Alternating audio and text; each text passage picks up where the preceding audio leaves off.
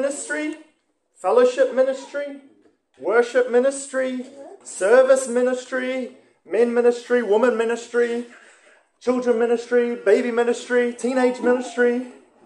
There are coffee cafe ministries, YouTube ministries, there are social media ministries, uh, I need food ministries. Uh, the word ministry can be defined as the spiritual work or service of a Christian or a group. And there are a lot of helpful ministries around. But here in our passage today, we will see some of the key moments of the beginning of Jesus' public ministry. What would Mark include in the beginning of Jesus' ministry here on earth? So if you can open your Bibles to Mark chapter 1, and I'll be reading from uh, verses 12 to 20. And just as a side note, uh, normally I've been, when I preach in English, I've been preaching from the NASB version, but I've uh, made a change. And so now I'll be preaching from the LSB version, which is the Legacy Standard Bible. Uh, when I arrived in Norway, I would go to Bible studies with Norwegians and I would take my ESV version. And um, it's a good translation, but it's not a literal word for word. Um, and what happened was when I was talking to others, there were words in my Bible that weren't in theirs, and vice versa. And it made it very difficult to know which uh, words should be there or not. So after some research, I swapped to the NASB version about six years ago, and my wife had already been using it, and she really liked it. It was extremely helpful that uh, I knew it was accurate to the original languages. But for the last couple of years, I've been looking into the LSB version, which is just the NASB with some slight uh, revisions. And one of my favorite revisions is when the covenant name of God is used. It will say Yahweh. And I think that's very helpful. That's just one example. But um, you can download the Legacy Standard Bible app on your phone, or if you have the YouVersion Bible app, you can find LSB on there. Uh, but this is not a sermon about Bible translations. I just wanted you to know uh, which I'm using now if you want to follow uh, word for word. Uh, you can also follow with the NASB, or it's very similar, or just follow with whatever version you have. That's no problem at all. But I'm going to read from Mark uh, chapter 1, verses 12 to 20, and I'll be reading from the LSB version, the Legacy Standard Bible. It says this And immediately the Spirit drove him to go out into the wilderness. And he was in the wilderness 40 days, being tempted by Satan. And he was with the wild beasts, and angels were ministering to him. Now, after John had been delivered up into custody, Jesus came into Galilee, preaching the gospel of God and saying, The time is fulfilled, and the kingdom of God is at hand. Repent and believe in the gospel. As he was going along by the Sea of Galilee, he saw Simon and Andrew, the brother of Simon, casting a net in the sea, for they were fishermen. And Jesus said to them, Follow me, and I'll make you become fishers of men. And immediately they left their nets and followed him. And going on a little farther, he saw James, the son of Zebedee, and John his brother, who were also in the boat mending the nets. And immediately he called them, and they left their father Zebedee in the boat with the hired servants and they went away to follow him. So each of the four Gospels, Matthew, Mark, Luke, and John, have a unique purpose. And Mark is a much more fast paced, as we have learned uh, from last week. And Matthew and Luke have far more details about the ge- uh, genealogy and birth of Jesus, whereas Mark does not talk about them at all. And John talks about Jesus' ministry in Judea and Samaria, uh, but Mark doesn't talk about it at all. And just to get an idea of how big this jump is in between verses 13 and 14, that is one year of Jesus' ministry. Not there at all.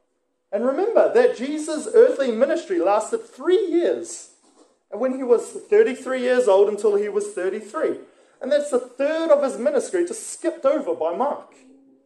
And yet, for the passage today, over a time of about one year, there is a focus on three things the temptation, the message, and the calling of some disciples. And even in these, Mark doesn't use as much details as the other Gospels. So why? Why this focus? Why move so quickly? Why does he put these parts of the story together in this way? He's intentionally summarizing for a purpose, to communicate something.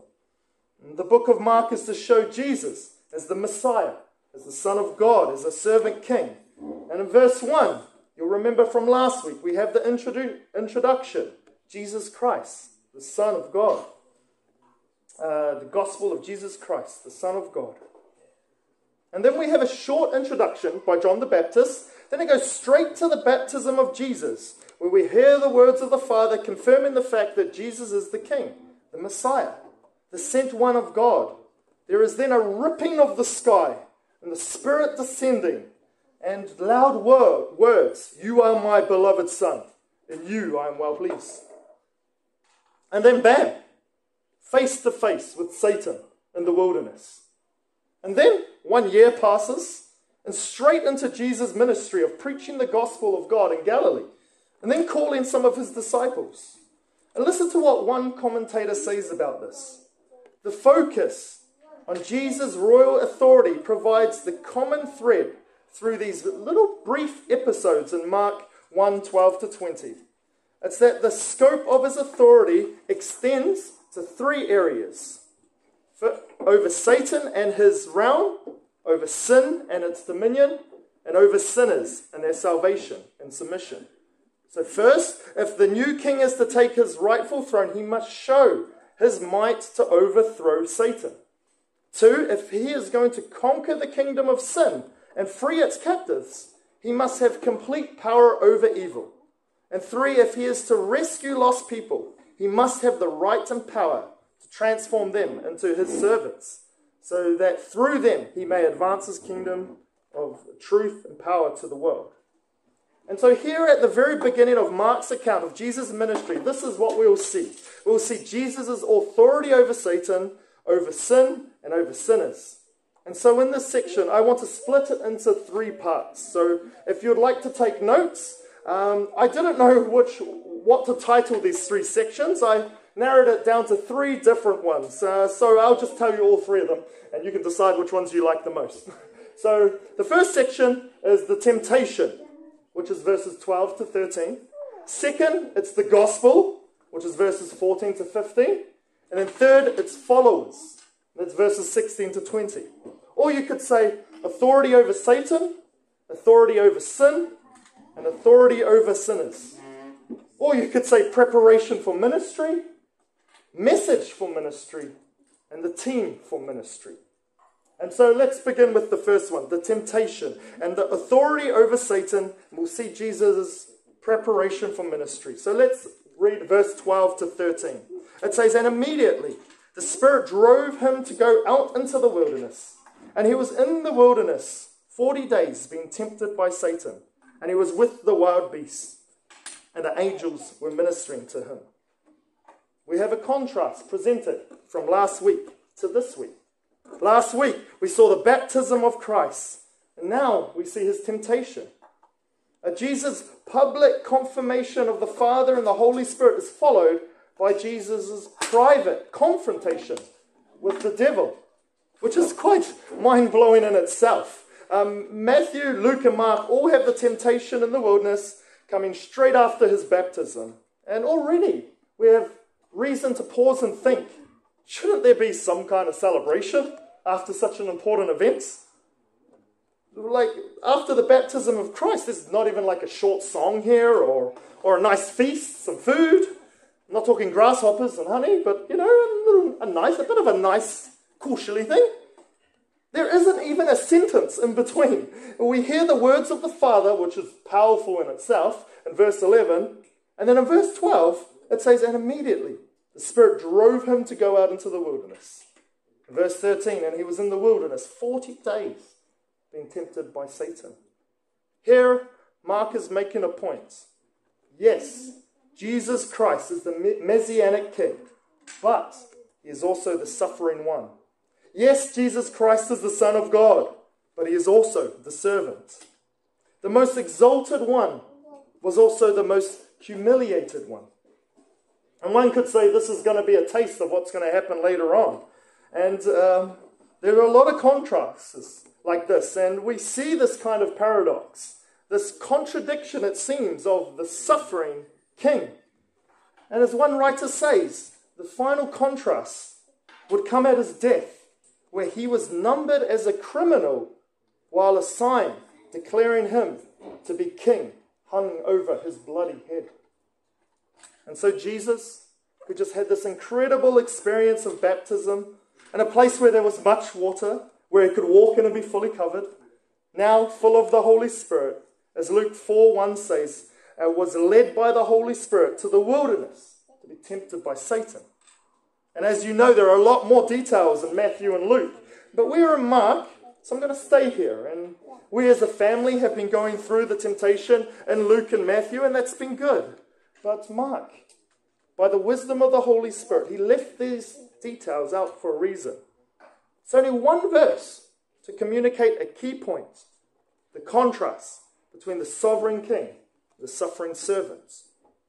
We see Jesus exalted, and then immediately he's driven into the dusty, dangerous wilderness. It would have been surrounded by rocky peaks and deep ravines, in the presence of wild beasts, it says, which could have included leopards, foxes, jackals, wild pigs.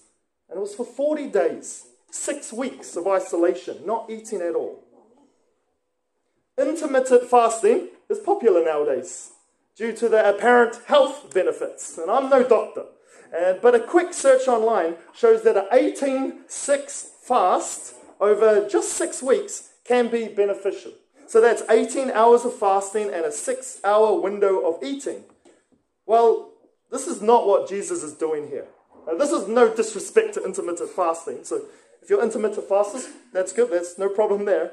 But I just want to communicate this is not what Jesus is doing here. He's not trying to reset his body after too much junk food over the summer, too much ice cream, maybe. He is not trying to see his abs that he hasn't seen since he was in high school. He is doing a 24 0 fast. That's 24 hours of fasting and zero hour window of eating over six weeks. And so his physical state, his physical state would have been going downhill even after two weeks. I'm sure you could agree. And yet here he is. And listen now the Lord Jesus had to face his strongest enemy when he was at his weakest. Tempted all through those 40 days until his final biggest three temptations that are recorded in Matthew 4 and Luke. Satan urges Jesus to use his power. Use it. Give up your humble status and exercise your right as God. And so the question comes Would Jesus be able to do this? Listen to this quote Would Jesus persevere? Would he use his divine powers to avoid the temporary pain? He was called to crush the serpent's head and destroy the works of the devil. But could he do that, being so physically weak, so emotionally drained, and completely isolated? We know from his accounts in Matthew and Luke that he overcomes, he resists the devil, he uses the word of God, rightly interpreted, and he uses it to win. And then verse 13 here in Mark, it says, And the angels were ministering to him. And that's likely providing him with food and water there. So, Sandefjord, Evangeliske, have you been tempted? I know the answer, obviously. One key aspect of ministry is that there will be temptation temptation to compromise, temptation to envy sinners, temptation to want what your neighbor has, temptation to not prioritize that which you should, temptation to belittle the importance of the Word of God, temptation to give up, temptation to numb your pain with worldliness Temptation even to abandon your family. Temptation to not prioritize a local church. Temptation to doubt the goodness of the Lord. And often temptation comes when we are weak, right? When we're at our most defenseless. And here we have a picture of the preparation for Jesus' ministry. And this is why you should fight temptation, because you have a Savior who has also been tempted. He does, he does this so he can identify with you, suffering Christian. Have you forgotten that? Do you believe that the Lord is not understanding of your current circumstances? That He doesn't care about the suffering you're going through now? Is that your mindset? Maybe. But Hebrews 4:15 says, "For we do not have a high priest who cannot sympathize with our weaknesses, but one who has been tempted in all things like we are." Or in other words, to say it another way, he was tempted at all points in his life like we are, yet without sin. And so, by using the Word of God, as Jesus did in Matthew and, and in Luke, and by prayer and reliance on the Lord's strength, and not your own on your own, fight temptation. And fight temptation knowing that you have a Savior who loves you, who can strengthen you, who knows what you're going through even more than what your family knows, and who has given you promises in His Word to help you that you can meditate on, that you can think on.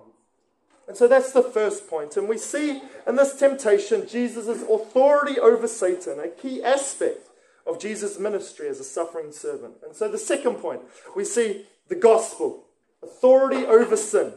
And then and we see here the message for ministry in verses 14 and 15. So let's read those verses together. It says, Now after God after, now after John had been delivered up into custody, Jesus came into Galilee preaching the gospel of God and saying, The time is fulfilled, and the kingdom of God is at hand. Repent and believe in the gospel. So here we have the kingdom message, a clear message in which the gospel is the primary focus, the main focus. In the English world of evangelicalism, uh, I like to see what's going on in Christendom in America and these other places. And I see that there's this obsession with this slogan, and it's gospel centered. It's there's gospel centered church, and gospel centered books, and gospel centered podcasts, and gospel centered work, and gospel centered marriage, and gospel centered home, gospel centered counseling, gospel centered teaching, gospel centered giving, and living, and rest, and gospel centered hobbies, gospel centered clothing brands, and gospel centered fast food chains, and gospel centered bananas and gospel centered monster trucks. And okay, I might have made those last couple up, see if you're still listening. But I wouldn't be surprised. Uh, and it's kind of interesting, considering the word in gospel centered does not appear in the Bible at all. And actually, I don't even think the word centered appears. If you find it, let me know. But so, what does it mean? Well, gospel is in there. gospel is a very old word, and we find that in the Bible. Evangelium uh, in Norwegian. It means good news. This is the good news of salvation. The gospel is the good news, the best news. It's in our church name because it's so important. Son of Sandefjord, the gospel church. And centered, that means with a focus of, focus of something, a main priority. And so by gospel centered, it means a focus on the gospel. And some have used it poorly, meaning it's a focus on the gospel and without caring about anything else that the Bible says, and that's wrong. Well, some just use it for marketing, I guess. Anyway, the point is, verse 14 and 15 show us the focus of Jesus' ministry. That focus is on the gospel. And remember what I said earlier there's a one year gap that's just happened, that we just missed, between verses 13 and 14. And so Mark has gone from showing Jesus' authority over Satan he skipped a year of Jesus' ministry in Judea. We can read about that in John 1 to about John 4. And so we have Judea down here, and then we have Samaria above it, and then we have Galilee north of that. And so Mark and also Matthew and Luke, they skip over this year of ministry and they jump straight to showing Jesus' authority over sin. And that is in the preaching of the most important message in the world the gospel. And so we'll see in this section the definition of the gospel in verses 14 15. And then we'll conclude at the end of what the gospel requires of us, what it demands of us. And so let's read verse 14 again. It says, Now after John had been delivered up into custody, Jesus came into Galilee preaching the gospel of God. And so we know that a year has been skipped because his ministry in Galilee does start a year in. And so Jesus skips over this ministry in Judea and Samaria because he wants to focus on these key aspects of ministry. Authority over Satan, authority over sin, authority over sinners, and in this verse shows his authority over sin by his preaching the gospel of God. So John is locked up, he's in prison, and Jesus' public ministry is in action now that John's has just finished. And so he's in Galilee, and Galilee was full of national zealots, and so they were eager to see the Messiah, yes. But they are expecting a reigning king to come and destroy their enemies, come and destroy Rome. And then here walks in the humble servant of God. He does not have a physical weapon, he has a message. We don't normally see Jesus as a preacher, but he was. And he's the very best preacher. And we'll see next week how people were, it says that they were astonished. Absolutely wowed by his teaching. And even as a boy, Luke shows us he was in the temple teaching. He's a, he's a teaching, preaching, serving Messiah. And so, what is he teaching? Verse 14 says, preaching the gospel of God. And so, what's the content of that message? Well, verse 15 gives the answer. It says, And saying, The time is fulfilled, and the kingdom of God is at hand. Repent and believe the gospel. Jesus' sermon here has three points. All good preachers have three point sermons, right? Well, maybe not, but this sermon by Jesus does, and he's the greatest preacher. And so he preaches on these three points. He preaches on fullness, he preaches on immediacy, and he preaches on responsibility. So let's go quickly through that. Well, first, fullness. How Jesus says the time is fulfilled. So they've been waiting 400 years. Malachi to John the Baptist was 400 years of silence. But now is the time. This is what they've been waiting for. This is the Messiah. They've been so eager to come. And the second point of Jesus' sermon here was immediacy. He says that the kingdom of God is at hand. At hand. So, normally when we think of a kingdom, we think of a location. And um, and, but I don't think that's what he's talking about here. Matthew calls it the kingdom of heaven. And sometimes it's referred to the kingdom of our Lord Jesus or Christ in the New Testament. And in the Old Testament, it's referred to as Yahweh's kingdom, the Lord's kingdom. And, that, and this is talking about, I think it's talking about activity, the activity of God and his rule over everything. So let's just go through a super quick understanding of the kingdom which would most definitely need its own sermon in its future. So we'll probably answer the questions you're not ask, answering, asking, and, and not answer the questions you do. But I'm going to go, I'll go through quickly. Uh, well, there's a universal kingdom, right? There's, that's the rule over everything. And we see that clearly, for example, in Genesis 1 and 2 with creation. And we see it, it uh, we see Jesus ruling over the natural world when he's stopping storms, for example. But I think what he's talking about here is more specific. This is the mediatorial reign. And what that means is God reigning through. God reigning through. So let's listen to this quote. It says, God reigning through. And so it begins with Adam ruling over creation. And then God called Abraham and Israel and ruled over a nation with the purpose of being set apart from other nations. And then it shifts, and God reigns through a human king asked by Israel, and that was through the Davidic line. And then the prophets came and they confronted the sinful kings and they promised a future kingdom where God's king would reign personally and that God would be announced and God would come. And then John the Baptist comes and he announces the same gospel. And now, here in verse 15, Jesus announces that the kingdom is at hand. And John 3 says that you cannot enter this kingdom unless you are born again. And so this would be a spiritual kingdom in the hearts of the people, yes? But also in Luke 17, it says that the kingdom was in your midst when, when talking about Jesus. But then also in Revelation 20, we see a preview of the kingdom as Jesus reigns on earth. And then in Revelation 21, we see the eternal kingdom and the eternal state. So, this theme of the kingdom is so important throughout the Bible so, what is God's kingdom? Well, I think it's the God's sovereign rule, and it's expressed and realized through the different stages through history. And you can't make it entirely physical, and you can't make it entirely spiritual. It's Both of these things at different times, leading to the ultimate reality of the kingdom coming into full consummation. And now here Mark 1:15, Jesus says, "The time is fulfilled and the kingdom is at hand."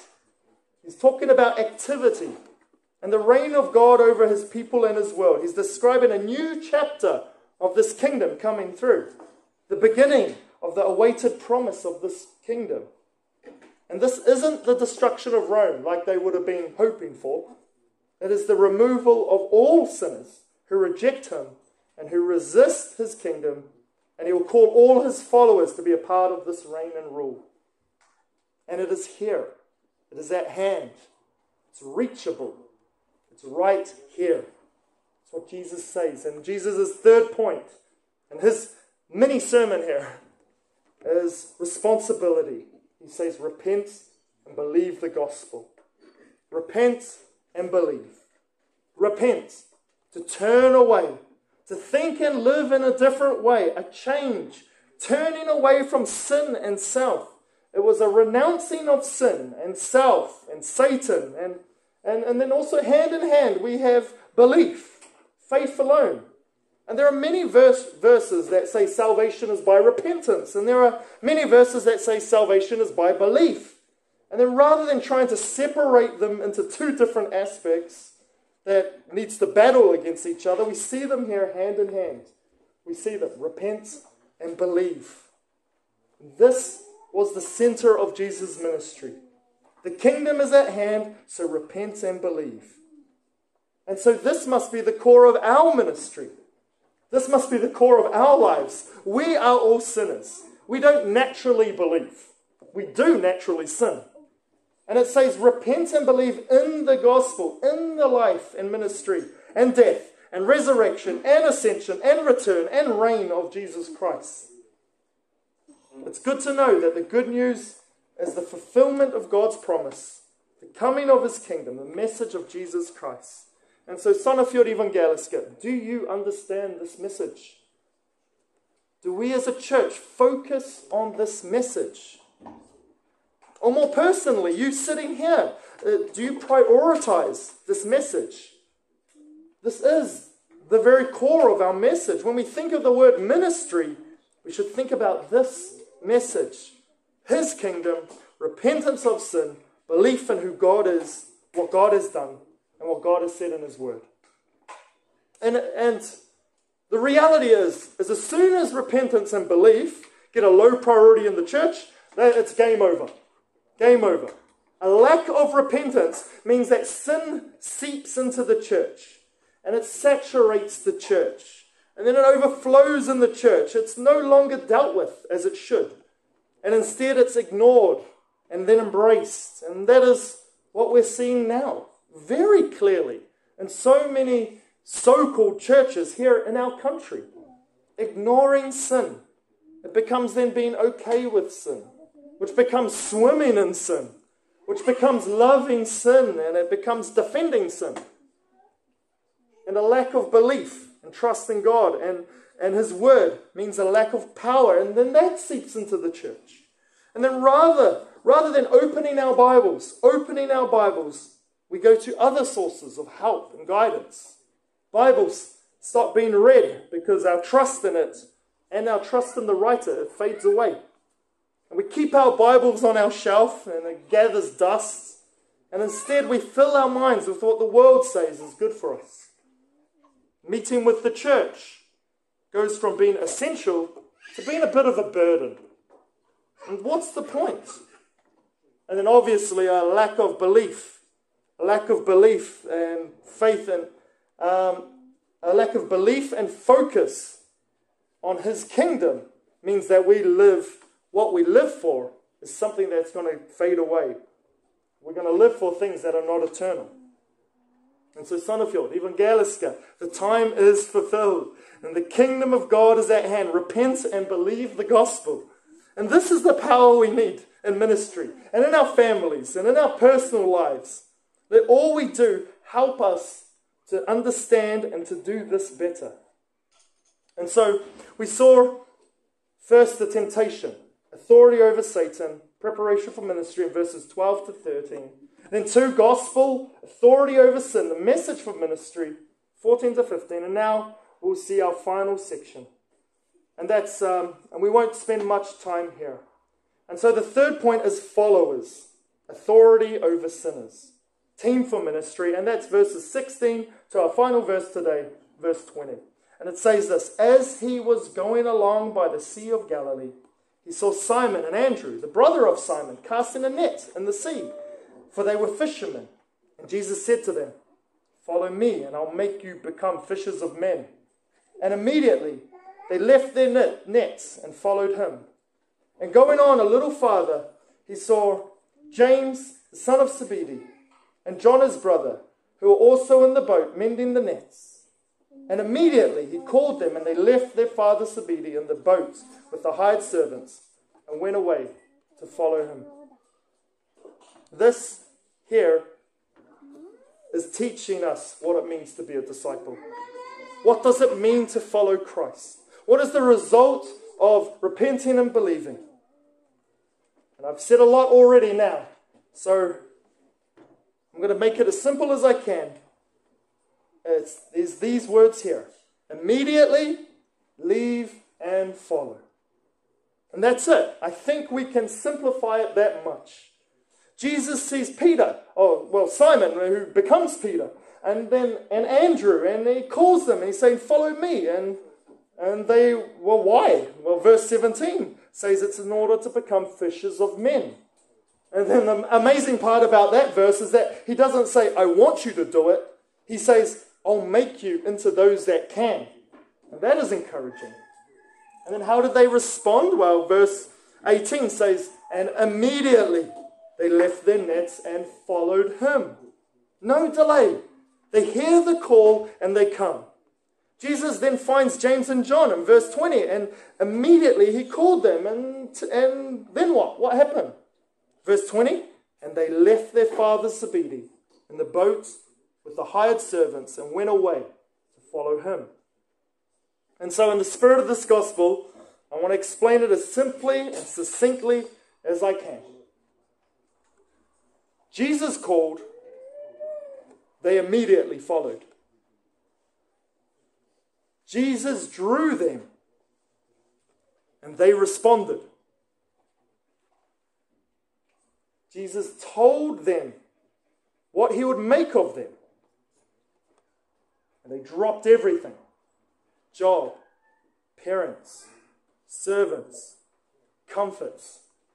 They followed him. Son of Sandefjord Evangelical Church. Oh, that we would respond to Jesus like this. That is my prayer. That he would call and you would follow. That he would speak and we would hear that he would command and we would do. He would rebuke and we would change. He would comfort and we would be calmed. He would encourage and we would trust. He would promise and we would believe. Church, let this be our goal. We have heard last week the witness of the writer in verse 1. We've heard the testimony of John the Baptist. We have seen the Holy Spirit descend on him. We've heard the voice of the Father saying, This is my beloved Son. And now, this week, we have seen him come face to face with Satan and come out successfully. Unlike, the success, unlike Adam or Israel, who were not successful. We have heard his message that the kingdom is at hand and we should repent and believe. Now we hear that we are called to follow him. So, church, let's follow him. Amen? Amen? Church, let us hear his voice in his word and let us follow him immediately. Will you follow him, church? Will you follow him? Are you willing? Will you encourage one another to follow him? To hear his word, hear his word with open ears? When others speak about Sandefjord Evangeliske Menighets, Sandefjord Evangelical Church, and when they wonder, what is our ministry? What is your ministry? It'd be very clear that our ministry is one that hears his voice in his word and follows him. Let us pray. Oh, Father, thank you for your word. Thank you for this focus that Mark has. Through the words of Peter, through the Holy Spirit, oh Lord, thank you for this. Oh God, help us to remember that the kingdom is at hand. May we repent and believe. We want to hear your voice in your word and follow you. Thank you for our, our church. Thank you for the children now. I pray they will be blessed downstairs. Oh Lord, help us to train them in the way they should go also. Thank you for our guests here today. Oh, bless them. Bless them, help them, encourage them, O oh Lord. Help us this week, O oh Lord. We're so thankful for your word, for your love to us. And may our ministry reflect that of Christ. Give us wisdom, O Lord, in Jesus' name. Amen.